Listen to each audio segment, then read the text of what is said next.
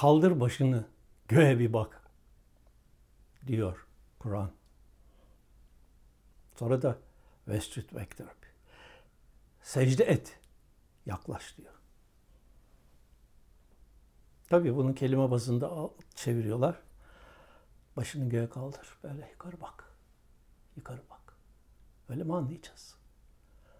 Veyahut da secde et yaklaş.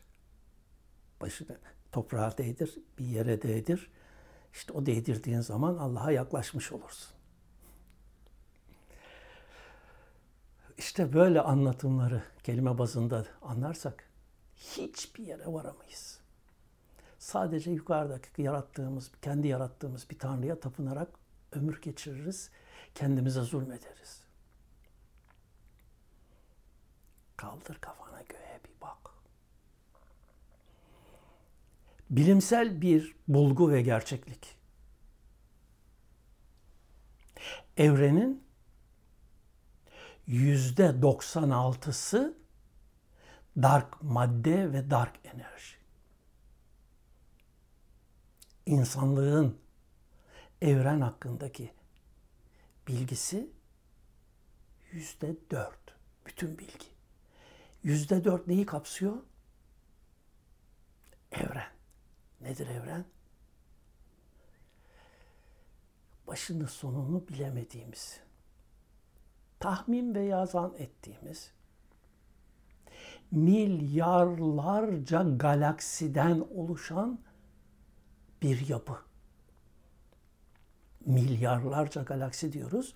O milyarlarcanın her bir tanesinde 200, 300, 400 milyon güneş, yıldız var. İşte o 300, 400, 500 milyon yıldız ihtiva eden galaksilerden milyarlar var evrende. Bunun ne demek olduğunu hiç düşünebiliyor musunuz? Aklınız, beyniniz alıyor mu? Ve biz o galaksilerden bir tanesinin kenarında, kıyısında yer alan adına güneş koyduğumuz bir yıldızın uydusu olan adına dünya koyduğumuz Earth dediğimiz yapının üstünde bir varlık. Beşeriz.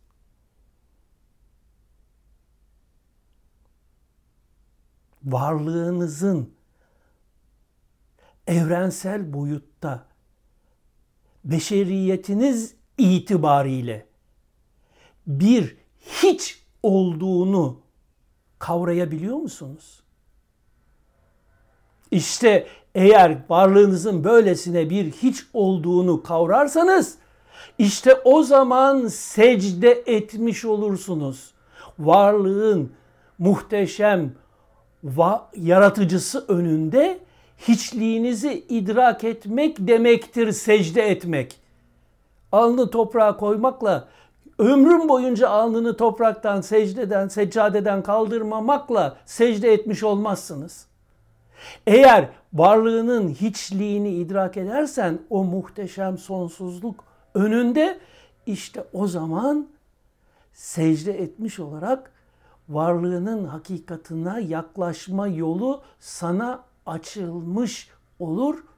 Kurbun yolu sana açılmış olur. Kurb nedir? Hele bunu bir dahaki sohbete bırakalım.